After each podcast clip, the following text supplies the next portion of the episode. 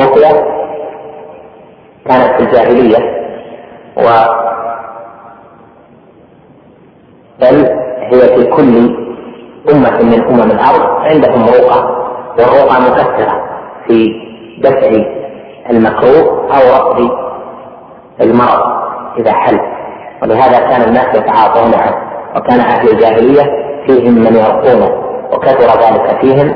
وقد قال عليه الصلاة والسلام إن الرقى والتمائم والتولة شرك يعني بها الرقى التي كان يتعاطاها أهل الجاهلية التي تشتمل على الشرك.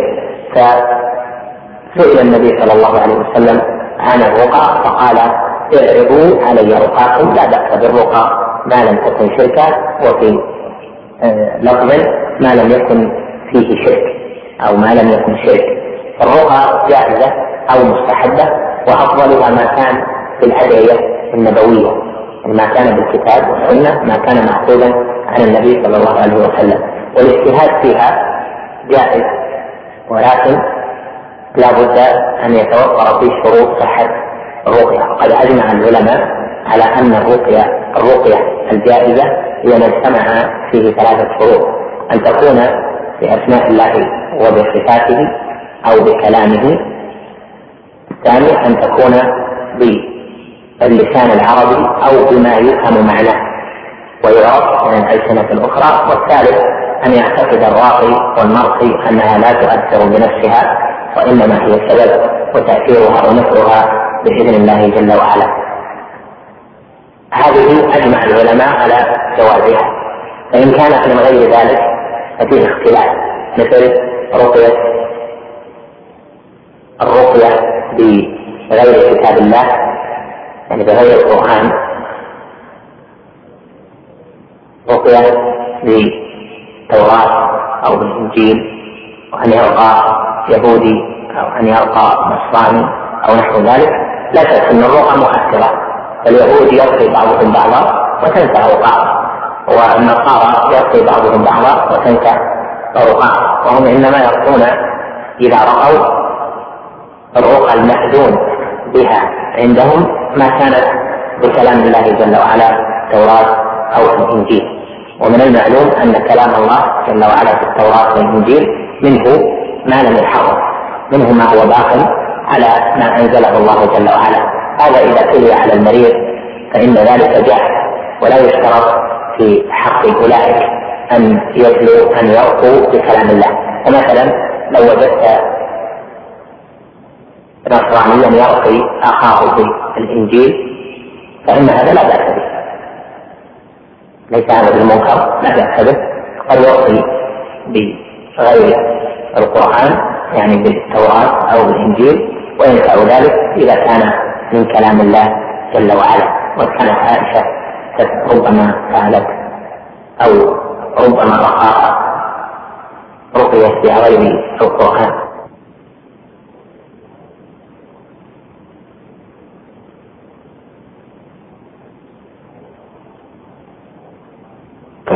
أو اللهم ربنا الذي في السماء تقدس اسمك أو تكون كما ربنا الله الذي في السماء تقدس اسمك فيكون على جهة الإخبار والشاهد منه أن فيه قوله الذي في السماء وهذا ربنا الله الذي في السماء.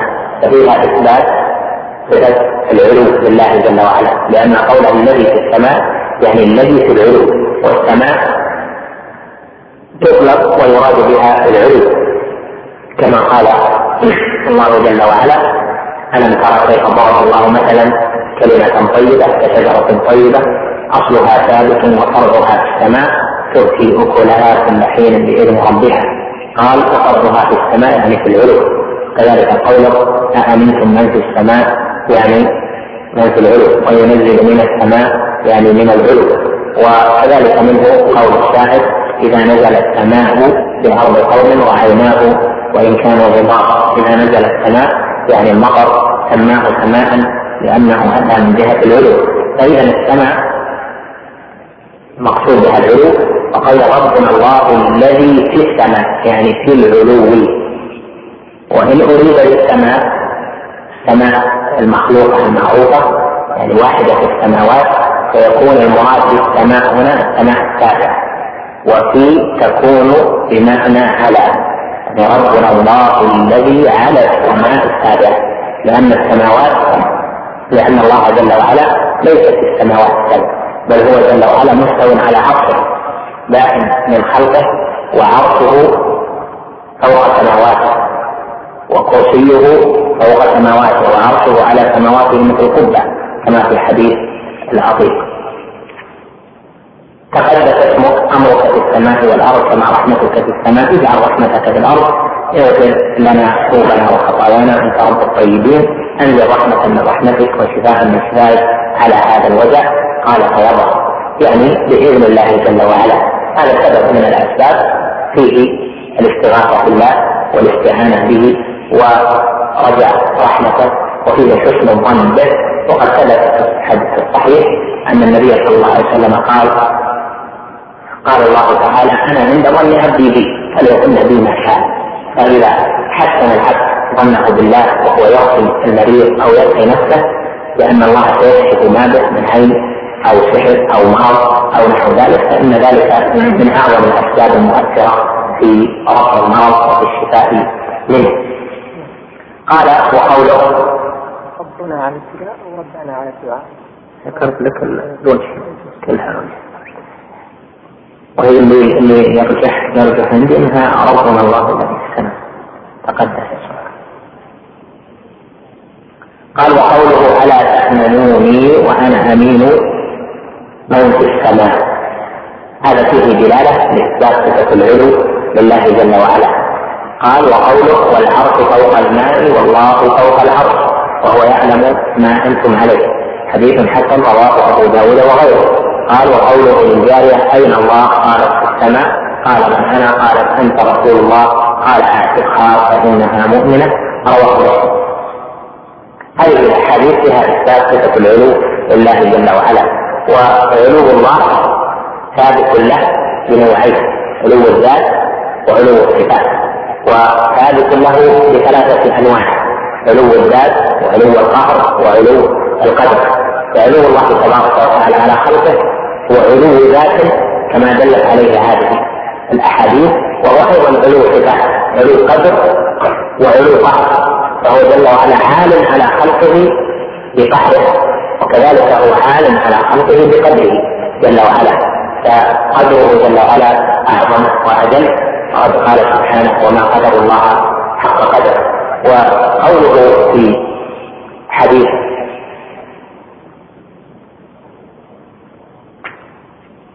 والعرش فوق الماء والله فوق العرش هذا الماء فوق السماوات كذا فوقها ماء كما جاء في هذا الحديث. والله جل وعلا والعرش فوق الماء والعرش لا يقدر قدره عظيم جدا. العرش هو اعظم المخلوقات والكرسي بالنسبة للعرش كحلقة مرقاة في ثلاث من الأرض والسماوات السبع بالنسبة للكرسي كالدراهم السبع ألقيت في كرسي. العرش الأمر عظيم وهو أعظم مخلوقات الله. قد وصفه الله جل وعلا بأنه عظيم وبأنه كريم. فقال هنا عليه الصلاة والسلام والعرش فوق الماء والله فوق العرش. هذا فيه إثبات الفوقية. وإذا مر معك لفظ الفوقية فهو بمعنى العلو فكل دليل للفوقية دليل لعلو الله جل وعلا. ففوقية الله على عرشه هي علو الله على عرشه. وتقصير الكلام على علو الله والعرش والردود على المخالفين في ذلك مر معنا مفصلا في القسم الأول وإنما المراد هنا تاكيد دلالة السنة على ما دل عليه القرآن من إثبات الصفات قال وهو يعلم ما أنتم عليه. يعني أن علو الله جل وعلا لا يراد معيته جل وعلا لخلقه المعية العامة التي معناها العلم بما هم عليه. قال وقوله للجارية أين الله؟ قالت في السماء أين الله؟ هذا سؤال عن المكان. يعني أين يسأل بها عن المكان؟ والنبي صلى الله عليه وسلم سأل الجارية عن ذلك. فدل على أن الله جل وعلا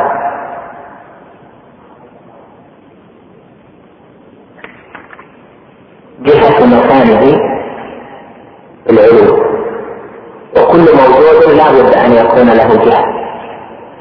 والذين منعوا وصف الله بالعلو قالوا لأن الجهات من عوارض المخلوقات. الجهة أن يكون في جهة معينة. ولأنه إذا أثبتت الجهة اقتضى ذلك التحيز وأن الجهة تحوزه وتشمله وتحوزه وهذا باطل.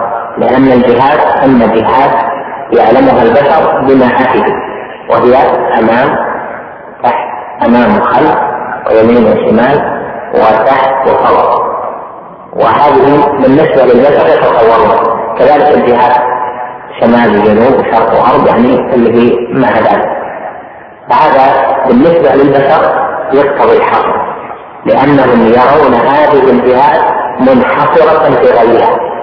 أما الله جل وعلا فله جهة العلو هو سبحانه في جهة العلو. والسؤال بأين فيه سؤال عن الجهة والجهة هي المكان فجهة الله جل وعلا هي العلو ولهذا الداعي إذا سأل الله جل وعلا توجه إلى العلو ونظر إلى العلو ورفع يديه إلى العلو يطلب الأرض والعلو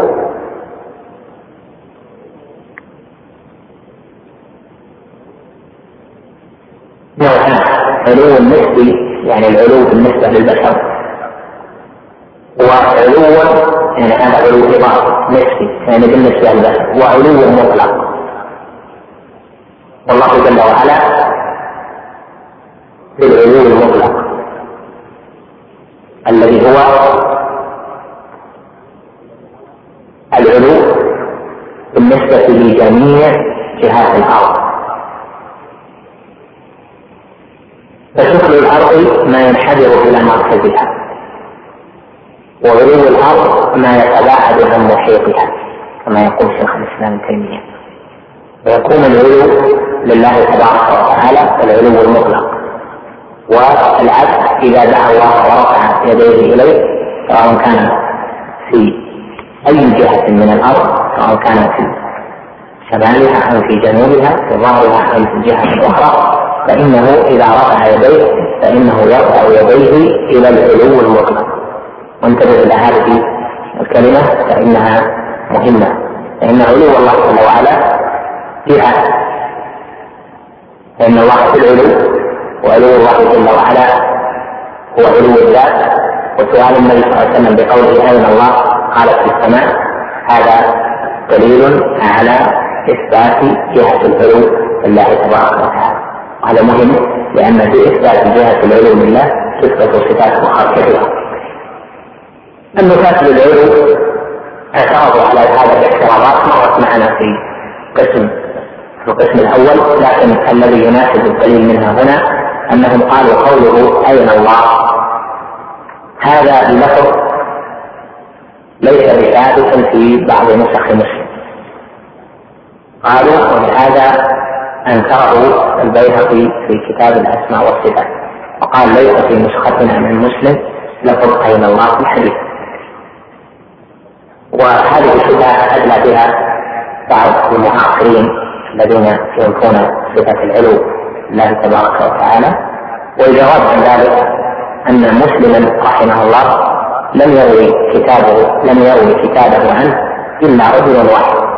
وكتاب مسلم ليس كالبخاري. البخاري أن له روح ويرويه عنه السرجي ويرويه عن حماد بن شاكر ويرويه عن فلان فلان. وكل من هؤلاء له رواية ورواية السرجي المشهورة في البخاري أيضا فيه تم رواية أبي ذر ورواية أبي الوقت ورواية بن عساكر والكشميهني.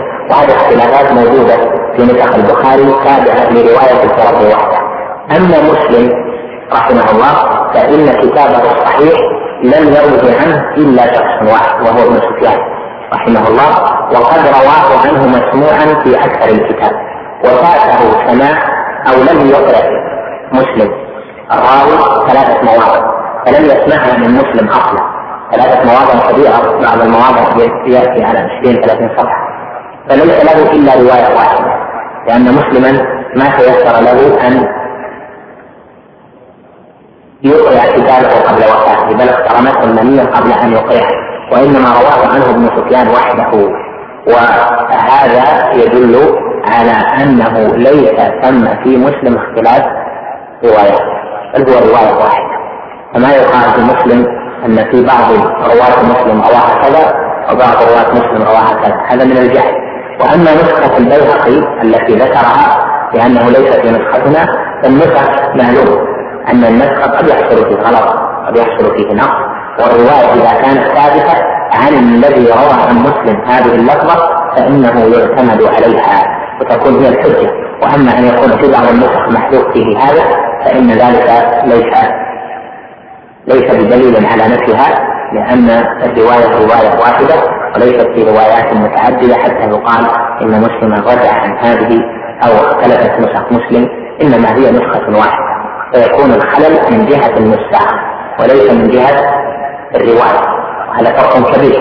إذا كان الخلل من جهة الناسخ غير ما إذا كان الخلل من جهة الرواية. مثلا في دعاء الأذان أضرب لكم مثلا في البخاري في دعاء الأذان المعروف أن من سمع المؤذن فقال اللهم رب هذه الدعوة التامة الصلاة القائمة آت محمدا الوسيلة والفضيلة والدرجة العالية الرفيعة وابعثه اللهم مقاما محمودا الذي وعدته إنك لا تخلف الميعاد. هذه بهذا الطول يعني بزيادة الدرجة العالية الرفيعة وبزيادة إنك لا تخلف الميعاد هذه في بعض نسخ البخاري رواية الكتميهني عن البخاري. لهذا بعض أهل العلم ينسبها للبخاري كما نسبها شيخ الإسلام وغيره هذا ليس صحيح.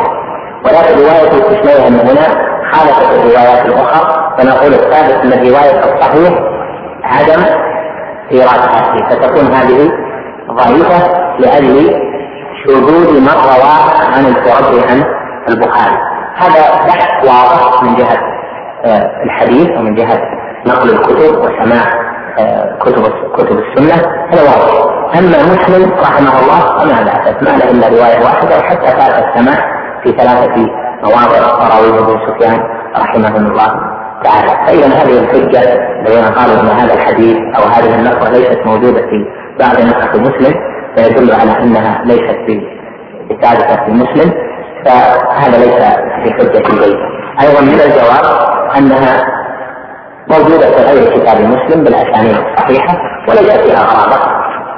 ما فيها غرابة واللفظ فيه السؤال عن الجهاد والنبي صلى الله عليه وسلم هو السائل وجهة العلم ثابتة لله جل وعلا بغير هذا الدليل كما في قوله أأمنتم من في السماء أن يخسف بكم الأرض؟ كقوله ألا تأمنوني وأنا أمين من في السماء؟ ومن في السماء يعني من في العلو من؟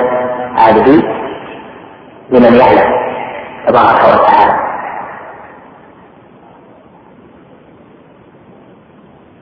نقف عند هذا.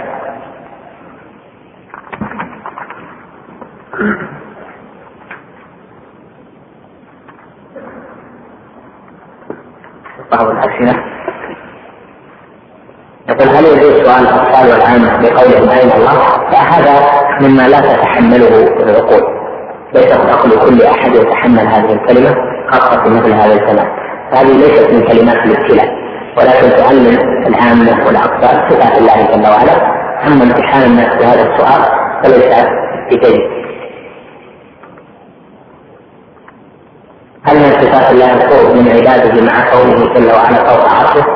وهل يستدل على قوله لقوله تعالى فإني قريب أجيب دعوة الداعي إذا دعان إلى آخره؟ أيضا الله جل وعلا؟ الذي ثبت في النصوص أن نقول له خاص. خلاف المعيه المعيه تنقسم إلى معيه عامة. خاصه أما قرب فهو قرب خاص ليس ثم قرب عام من جميع خلقه جل وعلا.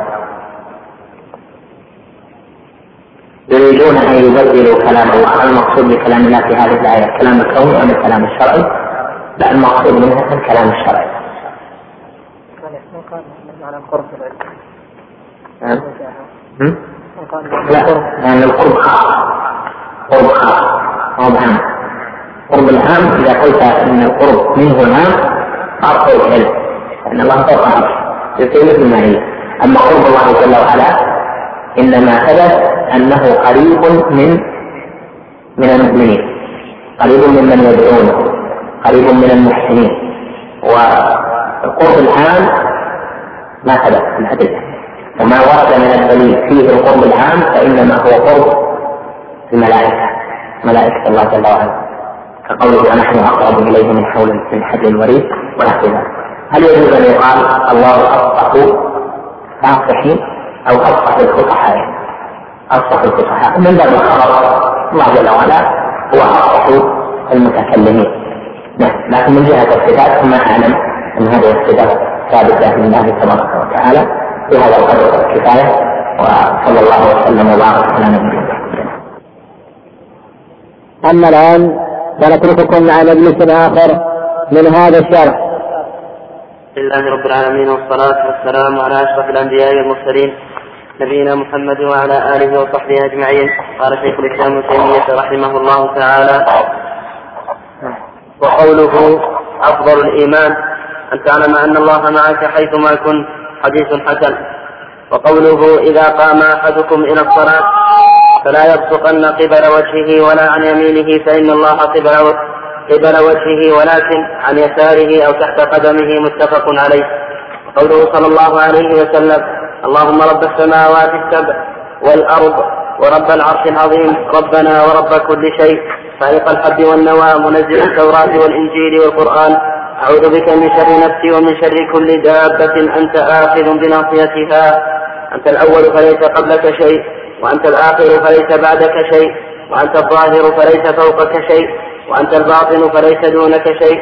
اقض عني الدين واغنني وأغنني من الفقر. رواية مسلم. قوله اللهم رب السماوات إلى آخره تضمن الحديث إثبات أسمائه. وقوله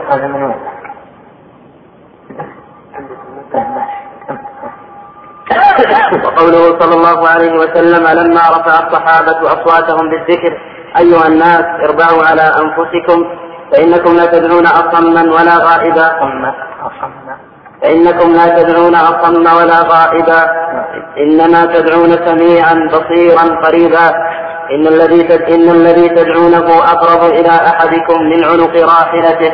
متفق عليه. وقوله إنكم سترون ربكم كما ترون القمر ليلة البدر لا تضامون في رؤيته. فإن استطعتم ألا تغلبوا على الصلاة قبل طلوع الشمس وصلاة قبل غروبها فافعلوا متفق عليه. إلى أمثال هذه الأحاديث التي يخبر فيها رسول الله صلى الله عليه وسلم عن ربه بما يخبر به. فإن الفرقة الناجية أهل السنة والجماعة يؤمنون بذلك كما يؤمنون بما أخبر الله به في كتابه من غير تحريف ولا تعطيل من غير تكييف ولا تمثيل. بل هم الوسط في فرق الأمة كما أن الأمة هي الوسط في الأمم فهم وسط في باب صفات الله سبحانه وتعالى بين أهل التعطيل الجهمية وأهل التمثيل المشبهة. وهم وسط في باب أفعال الله بين الجبرية والقدرية وغيرهم وفي باب وعيد الله بين المرجئة والوعيدية من القدرية وغيرهم. وفي باب أسماء الإيمان وفي باب أسماء الإيمان والدين بين الحرورية والمعتزلة وبين المرجئة والجهمية وفي أصحاب رسول الله صلى الله عليه وسلم بين الرافضة والخوارج. بسم الله الرحمن الرحيم. الحمد لله رب العالمين. وأشهد أن لا إله إلا الله وحده لا شريك له وأشهد أن محمدا عبد الله ورسوله صلى الله عليه وعلى آله وصحبه وسلم تسليما كثيرا إلى يوم الدين. أما بعد فأسأل الله جل وعلا لي ولكم العلم النافع والعمل الصالح والقلب الخاشع وأن يزيدنا ايمانا وثباتا وتوفيقا فإنه على كل شيء قدير. اللهم نسألك العفو والعافية والمعافاة الدائمة في الدنيا والآخرة. أما بعد فهذه صلة لما تقدم الكلام عليه من ذكر نصوص الصفات من السنة.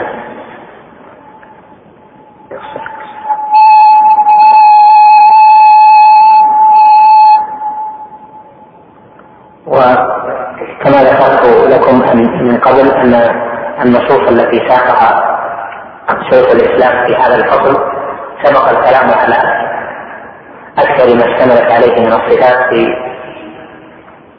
الاستدلال بالقرآن العظيم على الصفات. فذكر هنا بعض الأحاديث في المعية وفي القرب ونحو ذلك فقال وقوله أفضل الإيمان أن تعلم أن الله معك حيثما كنت. حديث حسن وقوله إذا قام أحدكم إلى الصلاة فلا يبصقن قبل وجهه ولا عن يمينه فإن الله قبل وجهه ولكن عن يساره أو تحت قدمه متفق عليه إلى آخر الأحاديث. هذا الحديث الأول هو حديث المعية. أفضل الإيمان أن تعلم أن الله معك حيثما كنت. فيه إثبات صفة المعية لله جل وعلا وأن العلم باتصاف الله جل وعلا بهذه الصفة أنه أفضل الإيمان فدل على أن العلم بأسماء الله جل وعلا وبصفاته هو أفضل الإيمان ذلك لأن الإيمان قول وعمل واعتقاد والاعتقاد والاعتقاد في في الله جل وعلا يعني في أسمائه وصفاته واستحقاقه للربوبيه وللالوهيه وللأسماء الحسنى والصفات العلى. فجعل عليه الصلاة والسلام أفضل الإيمان العلم بمعية الله جل وعلا العامة لخلقه والمعيه الخاصه للمؤمنين لأنه قال هنا أفضل الإيمان أن تعلم. يعني أفضل الإيمان علمك لأن أن تعلم موصول حرفي مع الفعل فيقدر بمصدر فأفضل الإيمان علمك أن الله معك حيثما كنت. وهذا دليل على أن العلم بصفات الله جل وعلا من أفضل مقامات الإيمان و بل هو أفضل مقامات الإيمان لأن الإيمان أركانه ستة وأعلى هذه الأركان الإيمان بالله جل جلاله. والعلم بالصفات هو العلم بالله جل وعلا فهو راجع إلى أفضلها ألا وهو الإيمان بالله. قال أن تعلم أن الله معك حيثما كنت ذكرنا لك فيما سلف أن معية الله جل وعلا تنقسم إلى معية عامة لجميع الخلق وإلى معية خاصة للمؤمنين. والمعية العامة هي معيته جل وعلا لهم بالعلم والإحاطة. جل وعلا فلا تغيب عنه جل وعلا منهم غائبة كما قال سبحانه وتعالى وما تكون في شأن وما تتلو منه من قرآن ولا تعملون من عمل إلا كنا عليكم شهودا إذ تفيضون فيه. وشهود الله جل وعلا لعمل جميع الخلق هذا من معيته العامة لهم فهي معية علم وإحاطة وطلاع ورؤية. سبحانه وتعالى. وأما المعية الخاصة فهي معيته جل وعلا بأهل الإيمان بتسديده وتوفيقه وإعانته ونصره لهم فإنها معية مقتضية لذلك. والله جل وعلا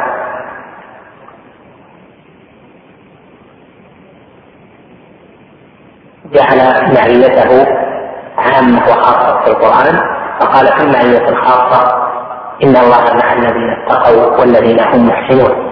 وذكرنا لك أن معنى المعية في لغة العرب هي الاقتران. نعم. مع يعني اقترن هذا الشيء ولاية الشيء. فقولهم الرجل مع القبيلة يعني مقترن يعني مقترنا بهم والرجل والزوجة مع زوجها يعني لا زالت في عصمته مقترنة به. وقد قال جل وعلا يا أيها الذين آمنوا اتقوا الله وكونوا مع الصادقين. يعني كونوا معهم في الاقتران بإيذانهم وأخلاقهم وكونكم معهم في ما اتصفوا به من الصدق في المعاملة مع ربهم جل وعلا. فالمعية سبق الكلام عليها مفصلا وترجع إلى ما سبق الكلام عليه. في تدليل عليها واقسامها وبيان تفصيل الكلام عليها لأن هذا الموضع هو موضع استشهاد من السنة واستدلال من السنة على الصفه أما الكلام عن الصفه مفصلا فسبق. قال وقوله عليه الصلاة والسلام إذا قام أحدكم إلى الصلاة فلا يبصقن قبل وجهه ولا عن يمينه فإن الله قبل وجهه. هذا فيه إثبات صفتين لله جل وعلا. بل عدة صفات لكن يستدل به على صفتين. أما الصفة الأولى فهي صفة قرب الله جل وعلا من خلقه ويعني من عباده المؤمنين على الصلاة وإحاطته جل وعلا بخلقه. وأما القرب فيأتي الكلام عليه وأما الإحاطة فإنه جل وعلا محيط بكل شيء. وإحاطته جل وعلا بكل شيء جاءت في عدة آيات وفي أحاديث كثيرة كقول الله جل وعلا ألا إنه ألا إنهم في مرية من لقاء ربهم ألا إنه بكل شيء محيط. وكقوله وكان الله بكل شيء محيطا ونحو ذلك من الآيات. وإحاطته جل وعلا بجميع خلقه تقتضي بل منها علوه جل وعلا. فكون المصلي يصلي ويكون الله جل وعلا قبل وجه المصلي حال الصلاة هذا لأجل أن الله جل وعلا محيط بكل شيء. فهو جل وعلا عال على خلقه مستوى على عرشه ومع ذلك هو قبل المصلي حين الصلاة. وذلك لإحاطته جل وعلا بكل شيء فليس كمثله شيء سبحانه فهو عال على عرشه قريب من المصلي بل هو محيط بكل شيء بل إن الله جل وعلا قبل وجه المصلي حال صلاته. والإحاطة فيما ذكر من النصوص في قوله ألا إنه بكل شيء محيط قوله وكان الله بكل شيء محيطا ونحو ذلك فسرها أهل السنة باربعه معاني فسرت الاحاطه باحاطه العلم والسعة و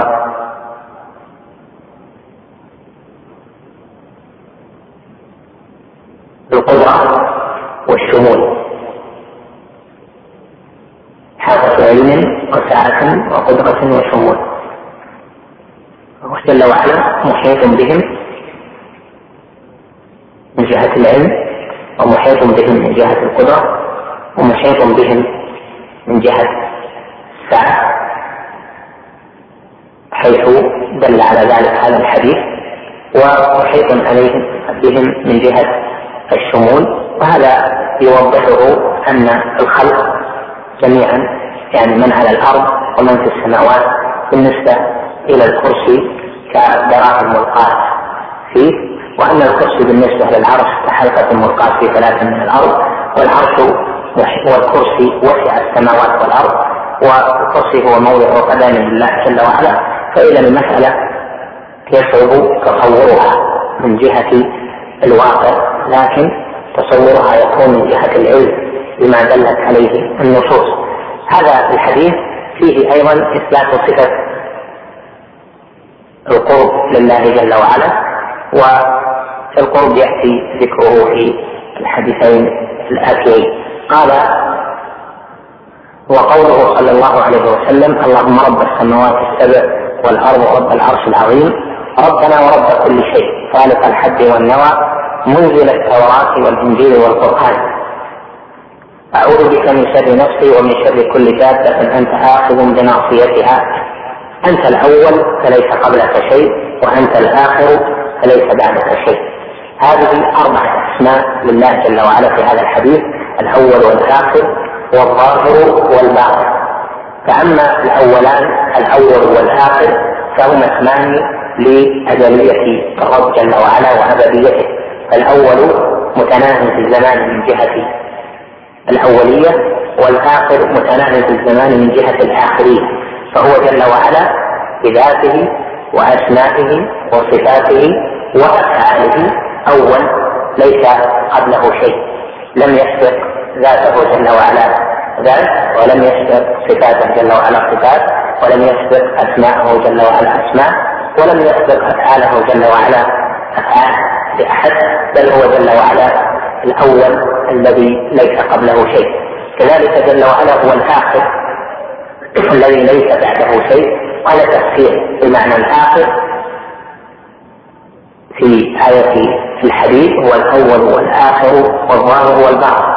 فذكرها النبي صلى الله عليه وسلم في هذا الحديث بقوله أنت الآخر فليس بعدك شيء.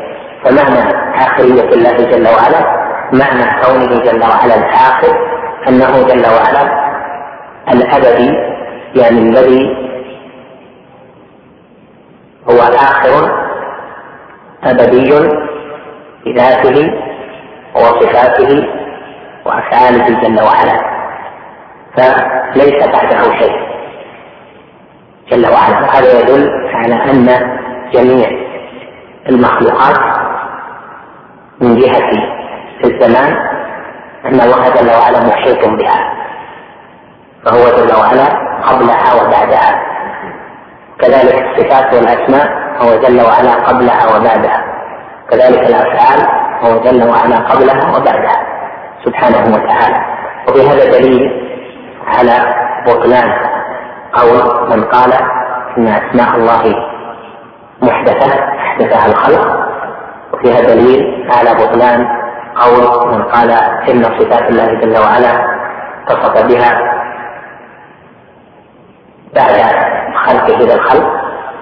وفيه دليل على بطلان قول من قال إن هذا العالم المنظور قديم أو أزلي كقول الفلاسفة وفيها إثبات أن جنس المخلوقات قديم وأن الله جل وعلا يفعل ما يشاء لا معقب لحكمه ولا راد لقضائه إذ إن صفاته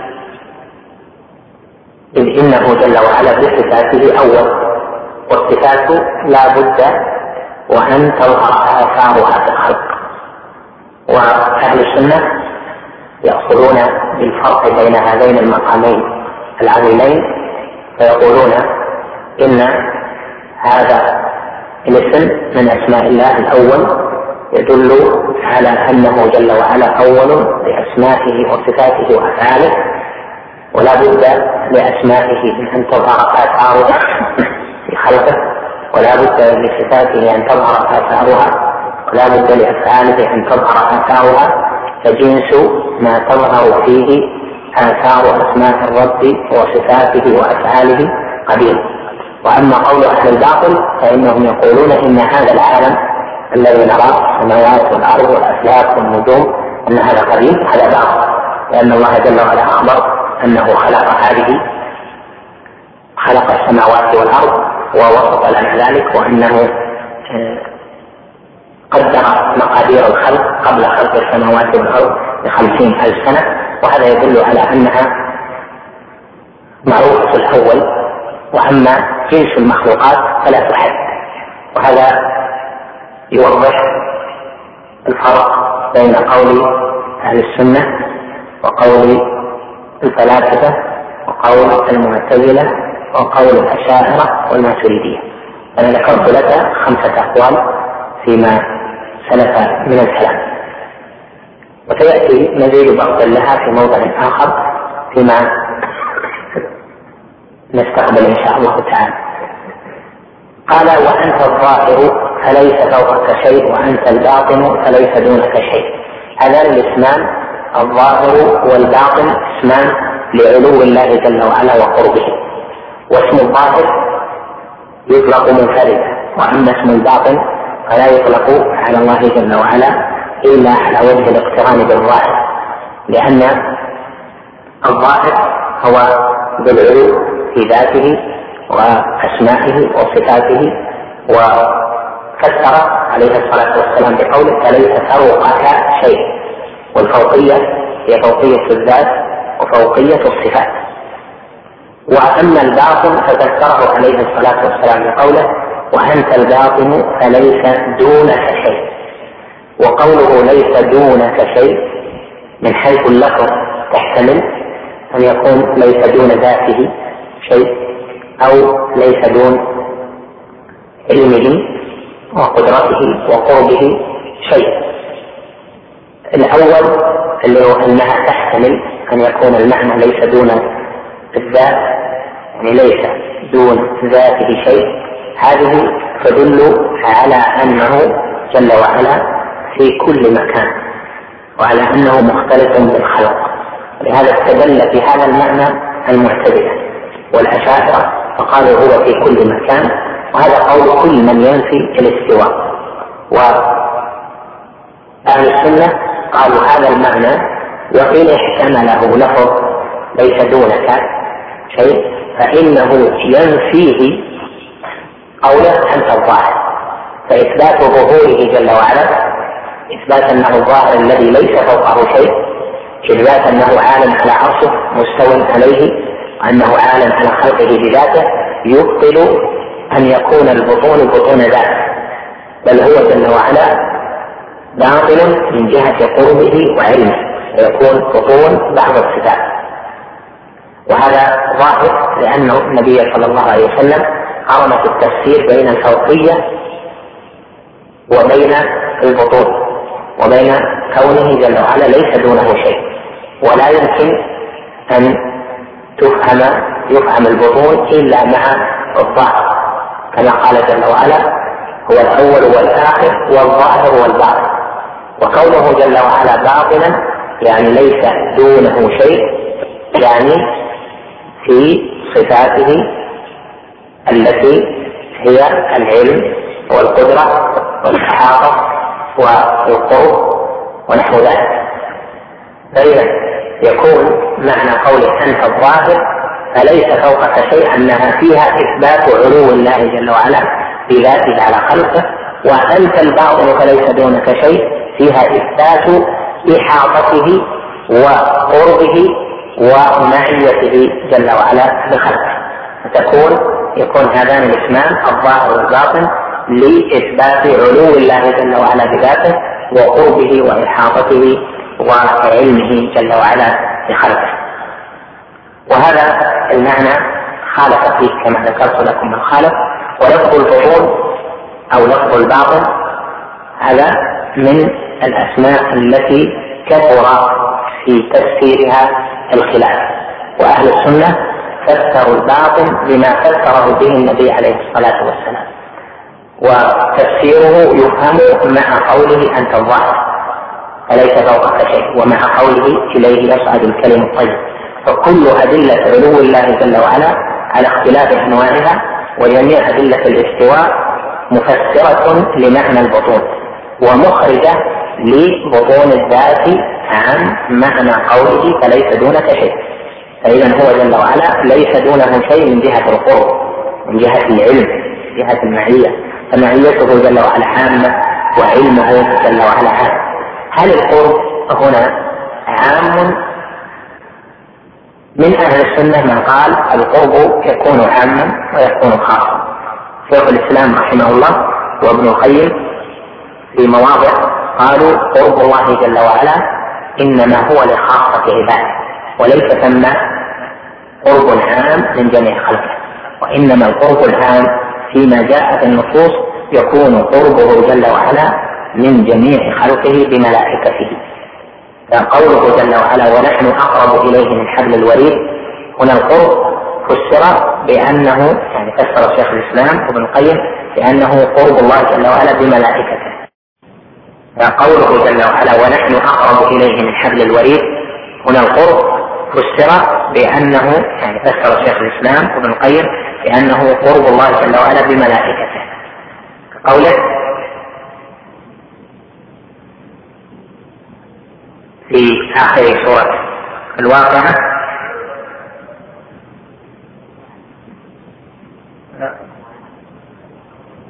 ونحن أقرب إليه منكم ولكن لا تبصرون نحن أقرب إليه منكم. قال هذا القرب قرب العام من كل ميت قرب بالملائكة بجنوده. فهو جل وعلا قريب منهم لأن جنوده الذين هم الملائكة قريبون من خلقه. أما القرب قرب الله جل وعلا فإنه القرب الخاص من أوليائه من المصلي من الداعي من عباد الله المؤمنين.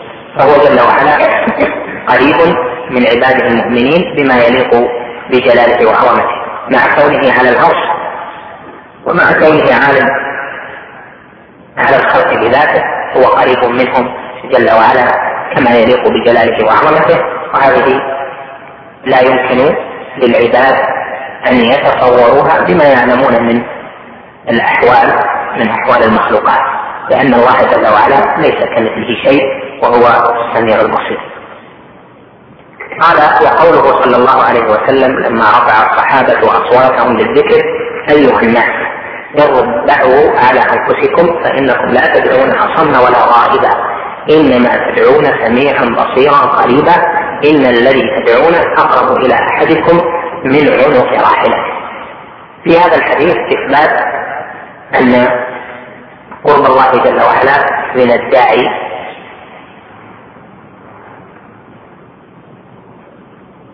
متحقق وأنه أقرب إلى الداعي من نفسه. أقرب إلى أحدكم من عنق راحلته من أقرب الأشياء إليه. ولو ناجاه المنادي بالهمس فإنه جل وعلا قريب يسمع النجوى يسمع دعاء الداعي. وإذا ناداه ورفع صوته بالدعاء فإن الله جل وعلا قريب منه يسمع دعاءه. وفي الحديث إثبات قرب الله جل وعلا الخاص. من الدعاء الذي من الداعي ومن الداعين الذين هم من خاصة المؤمنين. قال وقوله إنكم سترون ربكم كما ترون القمر ليلة البدر لا تضامون في رؤيته. وفي لفظ آخر أو لفظ آخر لا تضامون في رؤيته. فإن استطعتم ألا تغلبوا على صلاة قبل طلوع الشمس وصلاة قبل غروبها فافعلوا.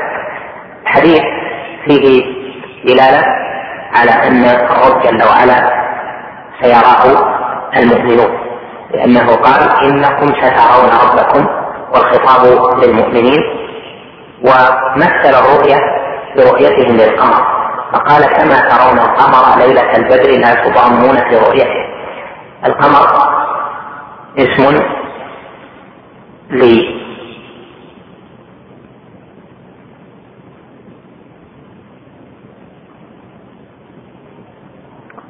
لما بعد الثالثة من الليالي؟ ويطلق عليه إلى الثالثة هلال ثم ما بعد ذلك يطلق عليه القمر. ولذلك قال كما ترون القمر ليلة البدر. يعني القمر ليلة الخامسة عشرة. وهي ليلة اكتمال ليلة البدر. وهذا يكون واضح للناس جميعا يرونه في وسط السماء. فهو في ليلة البدر يشرق مع غروب الشمس يطلع مع غروب الشمس ويغيب مع شروقها. فهو في منتصف الليل أو في أثناء الليل يكون واضح يراه كل أحد. النبي صلى الله عليه وسلم شبه الرؤيا بالرؤيا.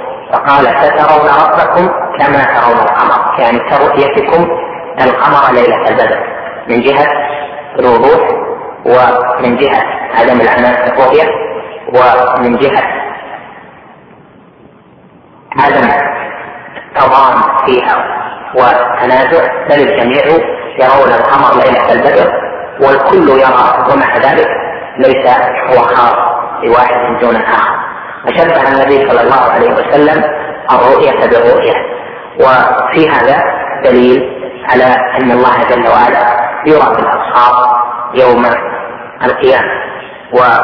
قوله سترون يعني بالبصر لأن الرؤية إذا عدي يعني فعل الأرى إذا عدي ب إذا عدي إلى مفعول واحد كان بمعنى الرؤية البصرية وإذا عدي إلى مفعولين كان بمعنى العلم. وهنا عدي إلى مفعول واحد وقوله ربك سترون ربكم الفاعل هم يعني الواو هو المفعول الذي وقع عليه الفعل. ربكم لفظ الجلالة. ربكم فإذا هي بمعنى الرؤية البصرية ولذلك أهل السنة أثبتوا أن الرؤية هنا رؤية بصر وليست رؤية علم. وللنفاة قالوا هي رؤية علم لأن الله جل وعلا يعلمه يوم القيامة الجميع. فإنه يعلم يوم القيامة يعلمه كل أحد. هذا باطل لأن الرؤية التي بمعنى العلم تتعدى إلى مفعولين. فعلمهم في الآخرة بل هم في شك منها بل هم منها عمود.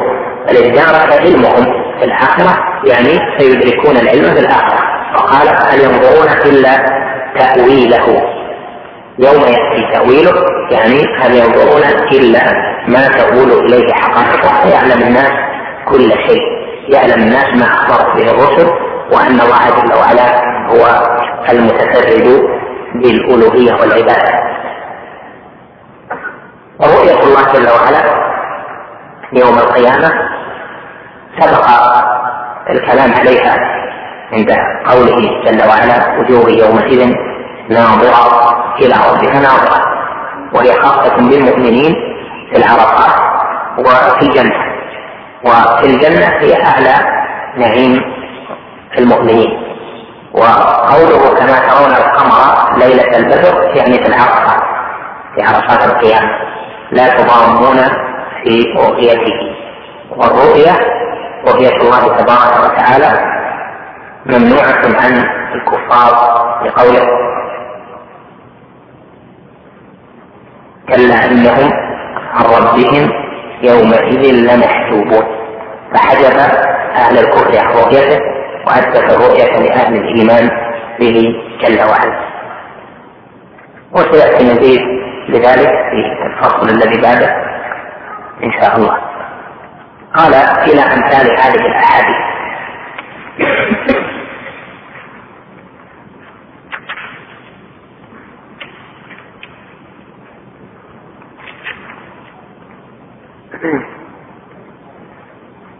إلى أمثال هذه الأحاديث التي يخبر فيها رسول الله صلى الله عليه وسلم عن ربه بما يخبر به. يعني أن هذا الذي ذكره شيخ الإسلام إنما هو على وجه التمثيل وليس على وجه الحصر لأحاديث الصفات فأكثر الأحاديث في صفات الله جل وعلا. فأعظم الأبواب من الدين التي بينها النبي صلى الله عليه وسلم هي أبواب العلم بالله. وذلك لأنها أفضل الإيمان بعلم بالله جل وعلا بأسمائه بصفاته بأفعاله ما يليق بجلاله وعظمته. هذا أعظم الأبواب التي جاءت في السنة. ولهذا قال الشيخ هنا رحمه الله إلى أمثال هذه الأحاديث التي يخبر فيها رسول الله صلى الله عليه وسلم عن ربه بما يخبر به. يعني أنه عليه الصلاة والسلام يخبر ويبلغ صفة ربه للناس. والسنة وحي من الله جل وعلا والمخبر فيها رسول الله عليه الصلاة والسلام وهو أعلم الخلق بربه جل وعلا لا ينطق عن الهوى. إن هو إلا وحي يوحى. قال فإن الفرقة الناجية أهل السنة والجماعة يؤمنون بذلك. في قوله إن الفرقة الناجية أهل السنة والجماعة مر معنا معنى هذه الألفاظ في أول الدروس عند بداية هذه العقيدة المباركة وبينا أن الفرقة الناجية في قوله الفرقة الناجية في قوله أما بعد فهذا اعتقاد الفرقة الناجية الطائفة المنصورة أهل السنة والجماعة. فأهل السنة والجماعة الطائفة المنصورة إلى قيام الساعة ما يدل على أن الفرقة الناجية وأهل السنة والجماعة والطائفة المنصورة الفاظ بمعنى واحد لكن اختلفت باعتبار الصفات وهي فرقة ناجية يعني من النار ومنصورة باعتبار الدنيا منصورة في الدنيا ومنصورة أيضا يوم القيامة. إنا لننصر رسلنا والذين آمنوا في الحياة الدنيا ويوم يقوم الأشهاد وهم أهل السنة لأنهم يتابعون السنة ولا يخرجون عنها. وهم أهل الجماعة لأنهم لا يرضون بالفرقة ولا الافتراق في الأبدان ولا الأديان. ولهذا يكون هذا باعتبار تعدد الأوصاف. فهم موصوفون بأنهم ناجون كلها في النار إلا واحدة وموصوفون بأنهم منصورون. لا تزال طائفة من الأمة على الحق منصور لا يضرهم من خذلهم حتى يأتي أمر الله وهم على ذلك. وهم أهل السنة لأنهم يتابعون السنة وينقلون العقل فيما لا يجوز فيه إعمال العقل ويجعلون العقل تابعا للسنة. وهم أهل الجماعة الذين أخذوا بهذا الأصل العظيم الذي هو الاجتماع في الدين والاجتماع في الأبدان لأن الله جل وعلا أمرهم بذلك في قوله واعتصموا بحبل الله جميعا ولا تفرقوا بقوله ولا تكونوا كالذين تفرقوا واختلفوا من بعد ما جاءهم البينات واولئك لهم عذاب عظيم. إلى غير ذلك من الأحاديث. قال يؤمنون بذلك كما يؤمنون بما أخبر الله في كتابه. القاعدة ذكرها من غير تحريف ولا تعطيل ومن غير تكييف ولا تمثيل ومر معنا هذه الألفاظ الأربعة تحريف تعطيل التكييف والتمثيل في أول هذه الدروس أيضا فترجع إليه. ثم قال بل هم الوسط في فرق الأمة كما أن الأمة هي الوسط في الأمم. الله جل وعلا وصف هذه الأمة بقوله وكذلك وكذلك جعلناكم أمة وسطا لتكونوا شهداء على الناس ويكون الرسول عليكم شهيدا. فإن هذه الأمة يعني أمة الإسلام أمة محمد صلى الله عليه وسلم هي بين الأمم بين اليهود في تشديداتهم وبين النصارى في جفائهم وتساهلهم من جهة الاعتقاد اليهود قتلوا أنبياء الله ونفوا النبوة والنصارى ألهوا النبي وجعلوه ابنا لله جل وعلا. من جهة العبادات اليهود في الطهارة متشددون حتى إن أحدهم إذا وقعت النجاسة على ثوبه قطع هذه البقعة من الثوب والنصارى متساهلون حتى أنه يمضي على أحدهم المدة من الزمان لم يتطهر بل يتطهرون بذلك إن فلانا العابد منهم أو الراهب مر عليه أربعون سنة لم يمس الماء ونحو ذلك فهذه الأمة جعلها الله وسط في الأمم في العقيدة وفي العبادات وكذلك في المعاملات وكذلك في الحكم والتحكيم وما يصلح الناس به. أهل السنة والجماعة الفرقة الناجية الطائفة المنصورة وسط في فراق هذه الأمة.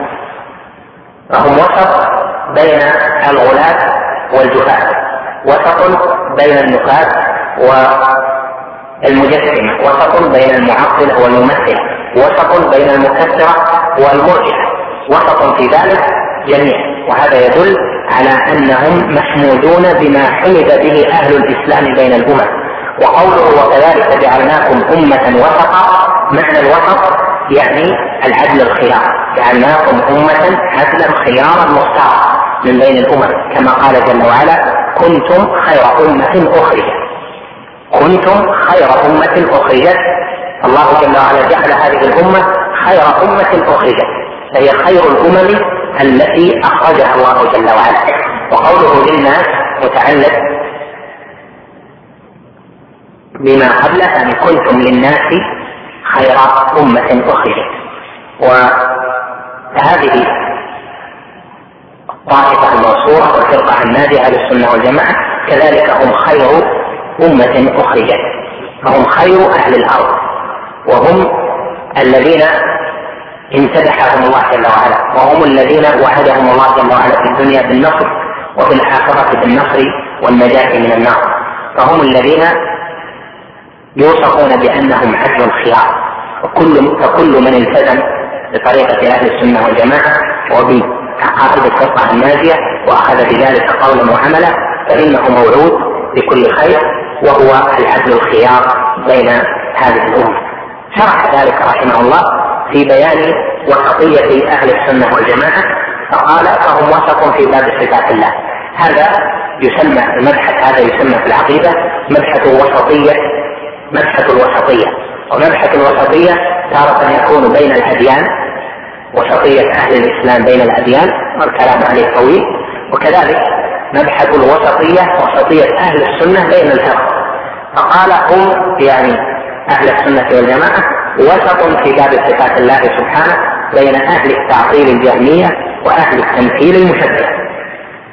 في باب صفات الله تعالى تنازع الناس وأهل القبلة المنتسبون إلى القبلة تنازعوا في الصفات هل تعطل أم تثبت فقال طائفة هم الجهمية ومن تبعهم إن الصفات لله جل وعلا يجب أن تكون عن طريق العقل فلا يثبتون أي صفة لله جل وعلا إلا عن طريق العقل ولهذا نفى الجهمية جميع صفات الله جل وعلا إلا صفة الوجود المطلق.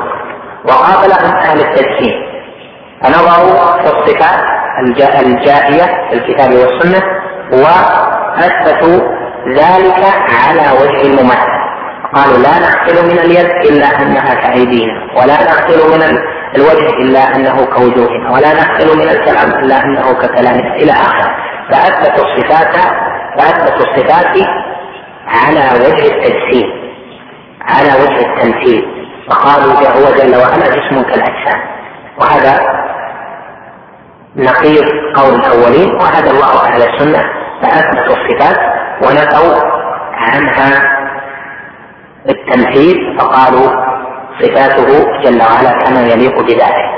فكما أننا نثبت ذاتا لا كالذوات فنثبت الصفات لا كالصفات كما قال جل وعلا ليس كمثله شيء وهو السميع البصير. فأهل التعطيل أنواع. وأهل التمثيل أنواع. وقول أهل التمثيل المشبهة يريد به تشبيه تشبيه الخالق بالمخلوق في الصفة يعني في المعنى والكيفية أو في كل المادة. وهذا من أقوال أهل البدع والضلال فإن الله جل وعلا ليس كمثله شيء في صفاته كما أنه ليس كمثله شيء في ذاته فإثبات الصفات إثبات معنى ووجود لا إثبات كيفية ولا إثبات مماثلة وبهذا يتبين طريقة أهل السنة في أنهم يثبتون وينزهون.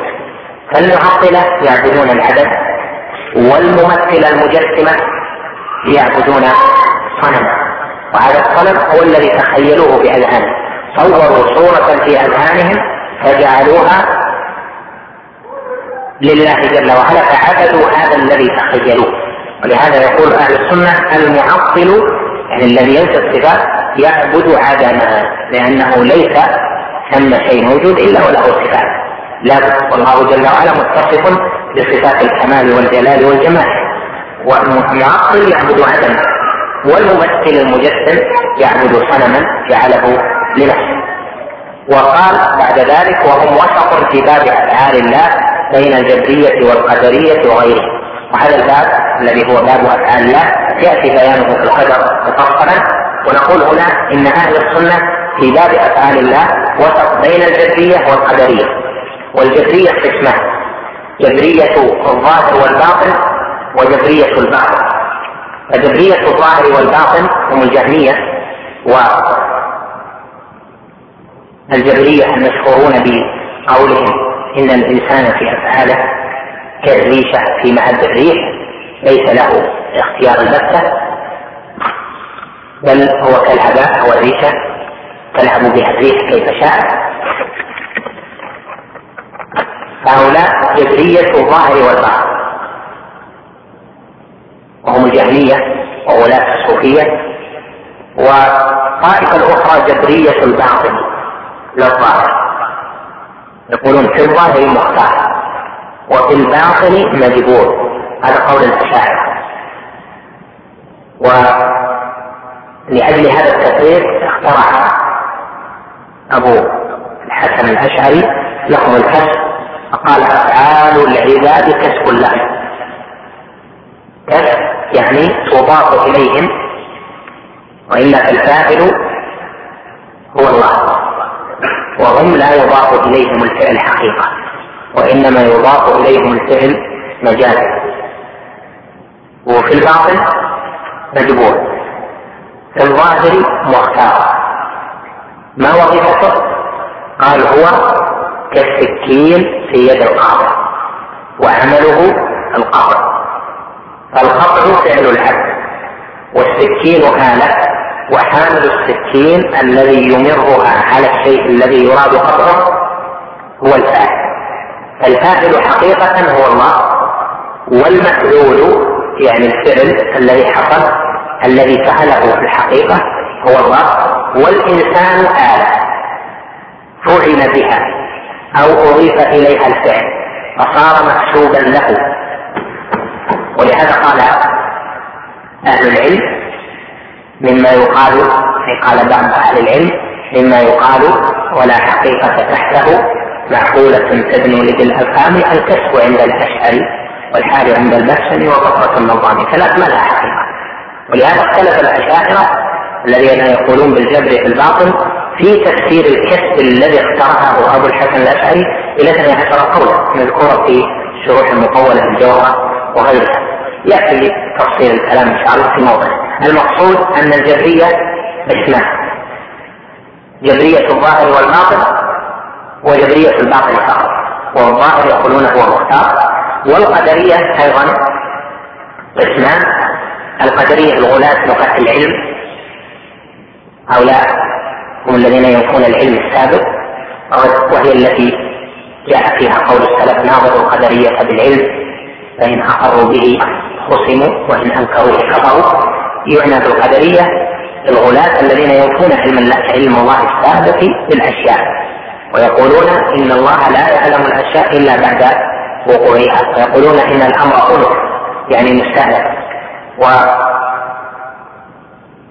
هم الذين قال فيهم ابن عمر أخبرهم أني منهم بريء.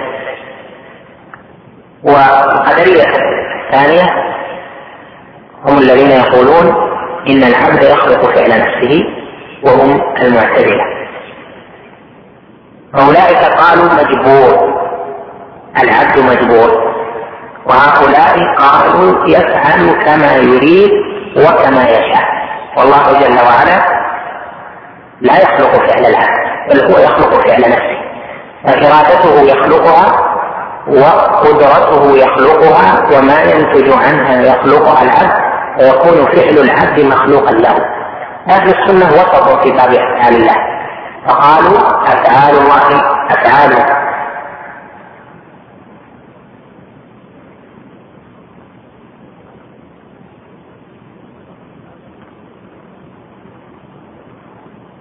يعني عندنا وسط في باب أفعال الله. عندكم في باب أفعال الله. يعني يعني في القدر في بافعال الله يعني في القدر. وهذه المسألة هي المقصود بها أفعال العباد. فأفعال الله يعني القدر. والقدر متعلق بأفعال العباد. ف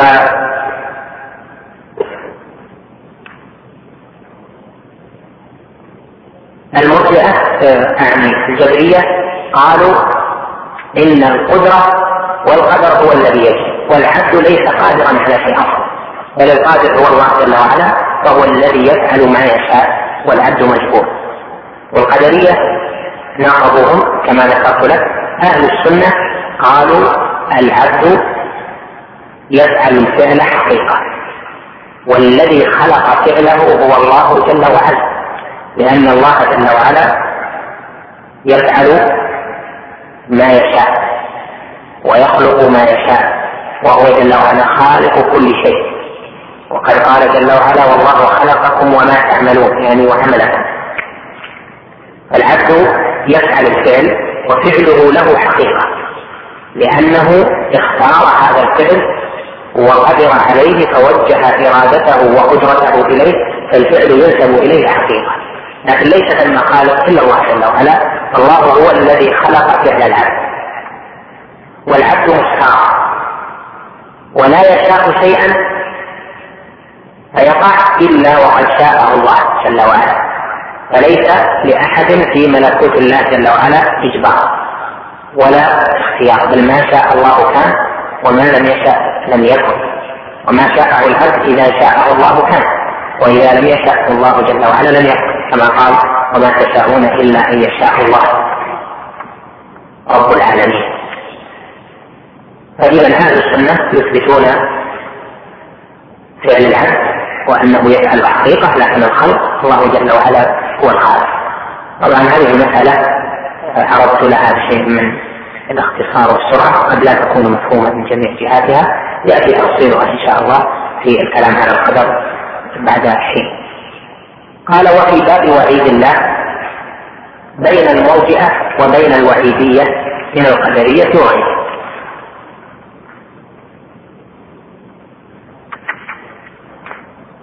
طبعا الأول قوله القدرية.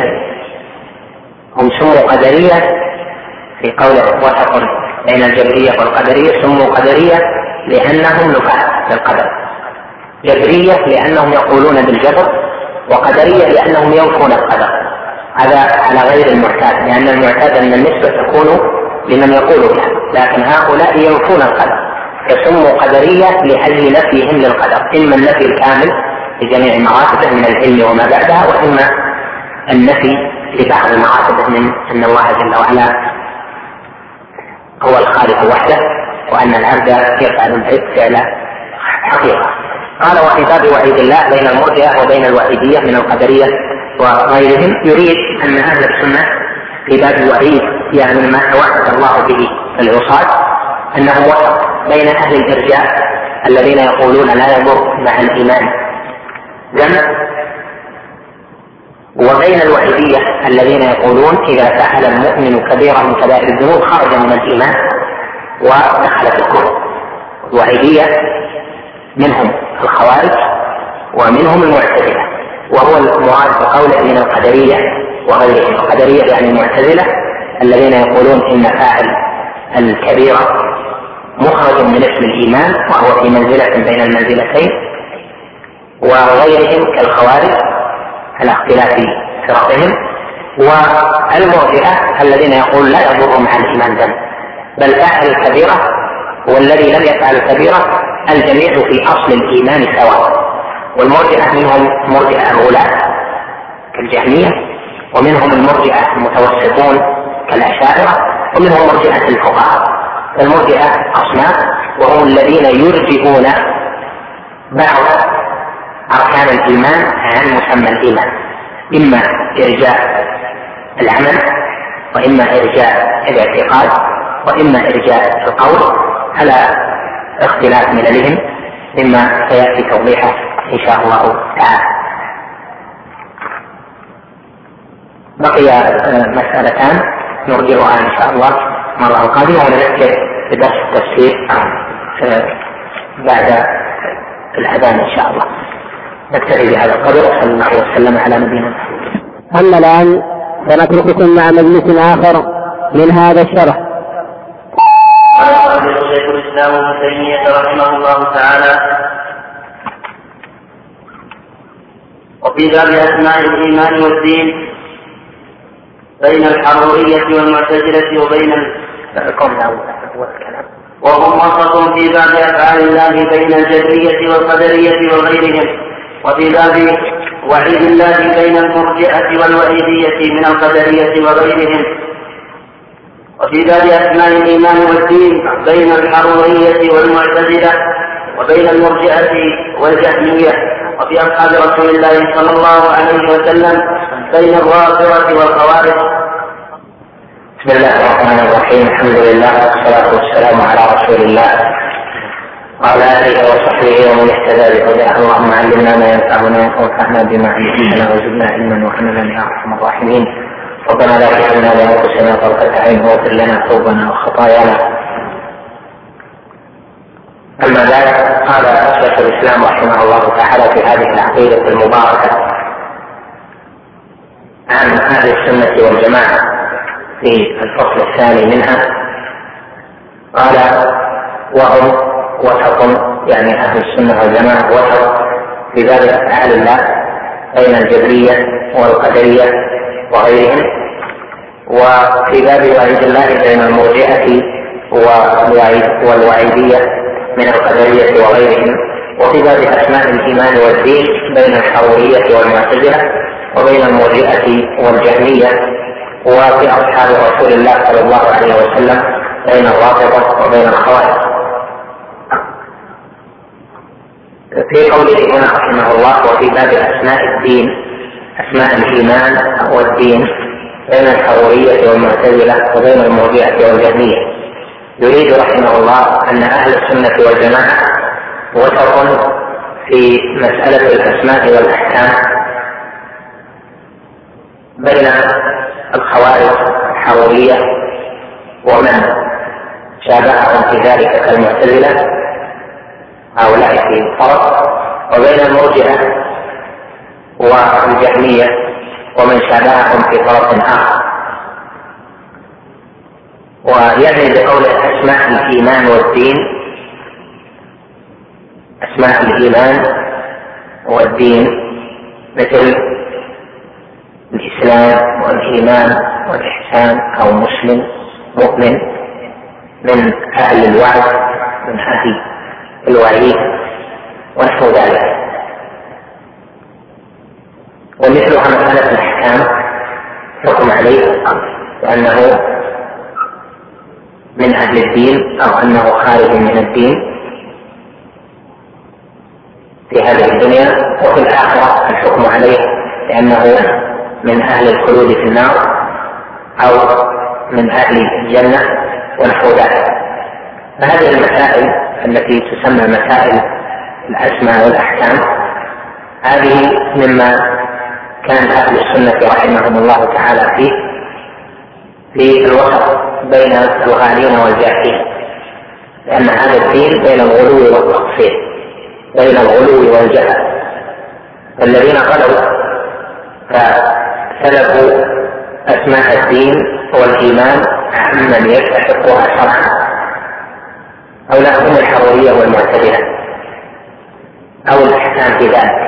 وبين الذين وصفوا بأسماء الدين والإسلام وأسماء الإيمان ونحو ذلك من لم يستحقها وهم المرجعة وأصل هذه المسألة مبني على اعتقاد الحرورية والمعتزلة والمرجئة والجهمية. فلا بد من معرفة اعتقادهم في هذه المسائل. أما الحرورية فيراد بهم الخوارج منسوبون إلى موضع تجمعوا فيه أول ما خرجوا على علي رضي الله عنه. والخوارج كفروا بالمعصية كفروا بالذنب. والمعصية التي هي من الكبائر من فعلها عندهم هو كافر خارج من الملة يطلق عليه اسم الكافر. في الدنيا وفي الآخرة خارج في النار أبدا مثل مثل سائر الكفار المعتزلة يعتقدون أن فاعل الكبيرة في الآخرة حكمه أنه من أهل النار خالدا مخلدا فيها. وفي الدنيا يقولون لا نسلب عنه اسم. لا نعطيه اسم الإيمان ولا نعطيه اسم الكفر ولا نسلب عنه في الدنيا اسم الإسلام جملة وإنما نقول هو في منزلة بين المنزلتين وهذه المنزلة هي التي ابتدعها المعتزلة عمرو بن عبيد ومن معه وواصل بن عطاء وقالوا ان كافر الكبيرة. ليس كما تقول الخوارج كافر في الدنيا. وليس كما يقول المرجئة إنه لا يضر مع الإيمان ذنب ولكنه في الدنيا ليس من أهل الإيمان وليس من أهل الكفران بل هو فاسق. يطلق عليه اسم الفاسق. وهل هو فاسق مؤمن؟ عندهم لا. لأن اسم الفسق يخرجه في وكالة الكبيرة يخرجه من مسمى الإيمان إلى منزلة بين منزلة الإيمان والكفر. و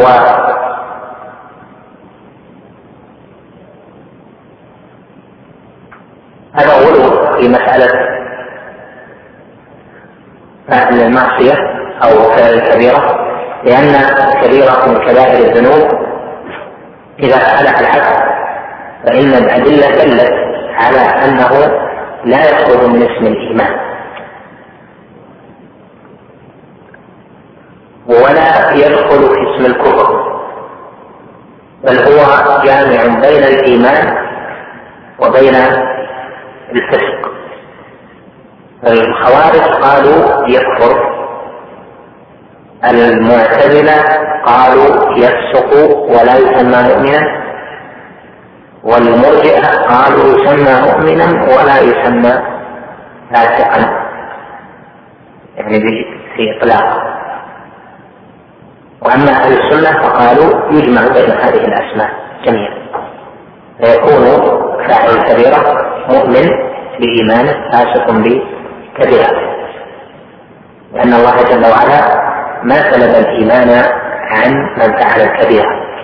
قال سبحانه وإن طائفتان من المؤمنين اقتتلوا فأصلحوا بينهما.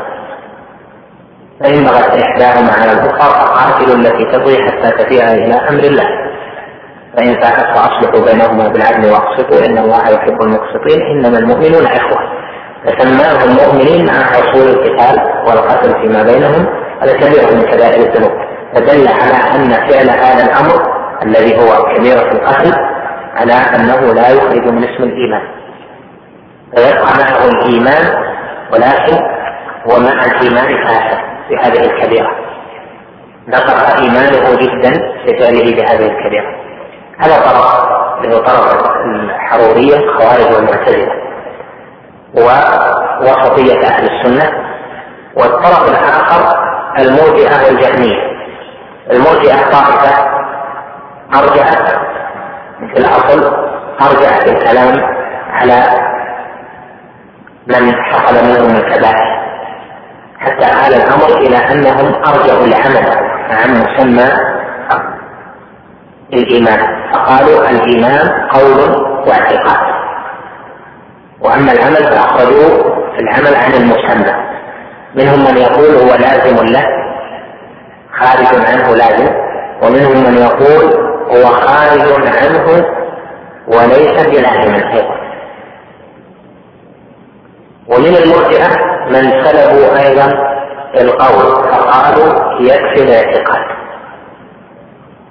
ومن هؤلاء من قالوا الاعتقاد يجمع العلم والتصديق العلم والتصديق الجازم فقالوا نكتفي فيه أيضا بالعلم.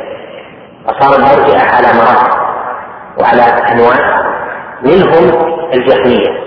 فقوله وبين المرجئة والجهمية يعني بالمرجئة من كان عليه اسم الإرجاء كمرجئة الفقهاء الذين أخرجوا العمل عن مسمى الإيمان أو كالأشاعرة ونحوهم والجهمية الذين قالوا الإيمان هو المعرفة فقط. قالوا الإيمان العلم معرفة. هل لابد يكون مع التصديق؟ لا لو لم يكن مع التصديق فيكفي ذلك. في اسم الإيمان في اسم الإسلام. فهؤلاء أدخلوا في الإسلام وأبقوا في الإسلام من تدل الأدلة على خروجه منه. والحروريه والمعتزلة أخرجوا من الإسلام من دلت الأدلة على بقائه في الإسلام والإيمان. أهل السنة وسط بين هؤلاء. وهذه مسألة عظيمة لأنها من المسائل التي أوجبت الافتراق والاختلاف في هذه الأمة لأن مسألة الاسم من تطلق عليه الاسم أسماء الإيمان أو من تطلق عليه أسماء الكسور هذه من الأسباب التي أحدثت الافتراق في الأمة. فدائما إذا توضع فيها الشرع ما حصل الاختلاف والافتراق. وإذا بغى الناس بغى بعضهم على بعض فإنه يحصل الافتراق والاختلاف. كذلك من الأسماء البدعة والتبديع. والفسق والتفسير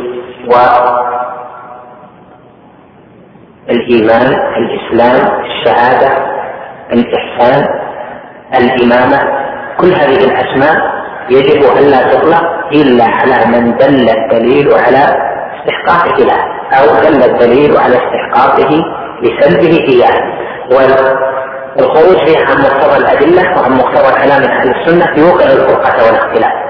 أول ما حصل خلاف من الخوارج في هذه المسألة فإنهم قالوا هؤلاء الكفار لأجل الحكم ثم ناقضهم طائفة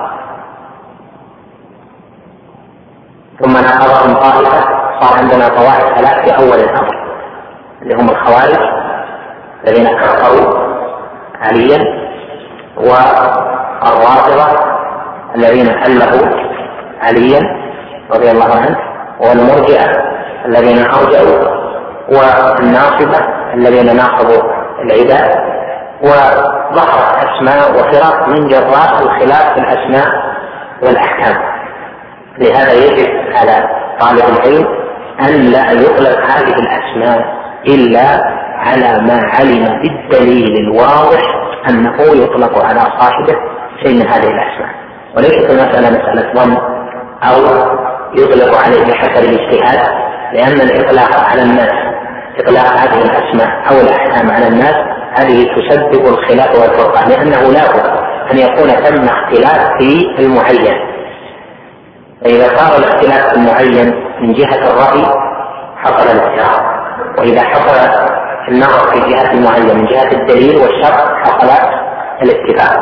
فهذا يقول فاسق والآخر يقول صالح. هذا يقول إمام والثاني يقول زنديق وهذا يقول مبتدع والثالث يقول مجاهد أو إمام أو عالم أو نحو ذلك. فتقابل هذه الأسماء يخرج الناظر فيها عن دليل الشرع. والواجب على أهل العلم وعلى طلبة العلم أن يقتفوا سيرة أهل السنة والجماعة في هذه المسألة لأجل أن لا يحصل الفرقة والخلاف في الأمة.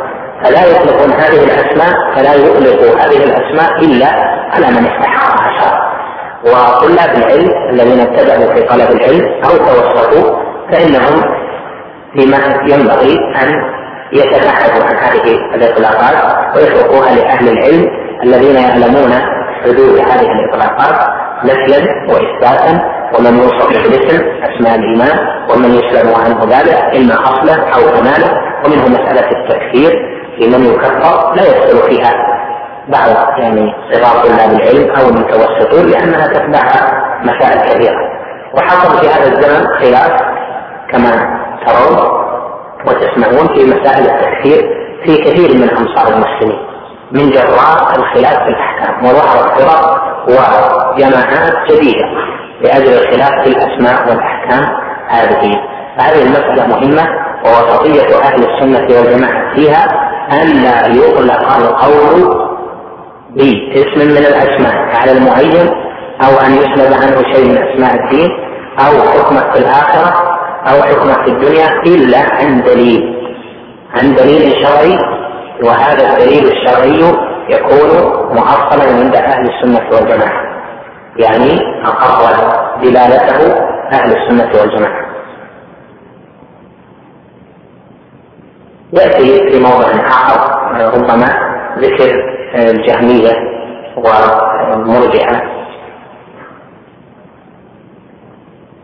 في مسائل الإيمان وتفصيل الفرق بينهما يعني بدقة عند الكلام على مسائل الإيمان إن شاء الله تعالى. فإذا هذه الوسطيه دلتنا على أن مرتكب الكبيرة عند أهل السنة مؤمن لكن إيمانه ناقص. مسلم وإسلامه ناقص أيضا لأنه حرم شيئا من ظواهر الإسلام لأن الإسلام هو الظاهر والإيمان هو الباطن وبينهما تلازم من هذه الجهة.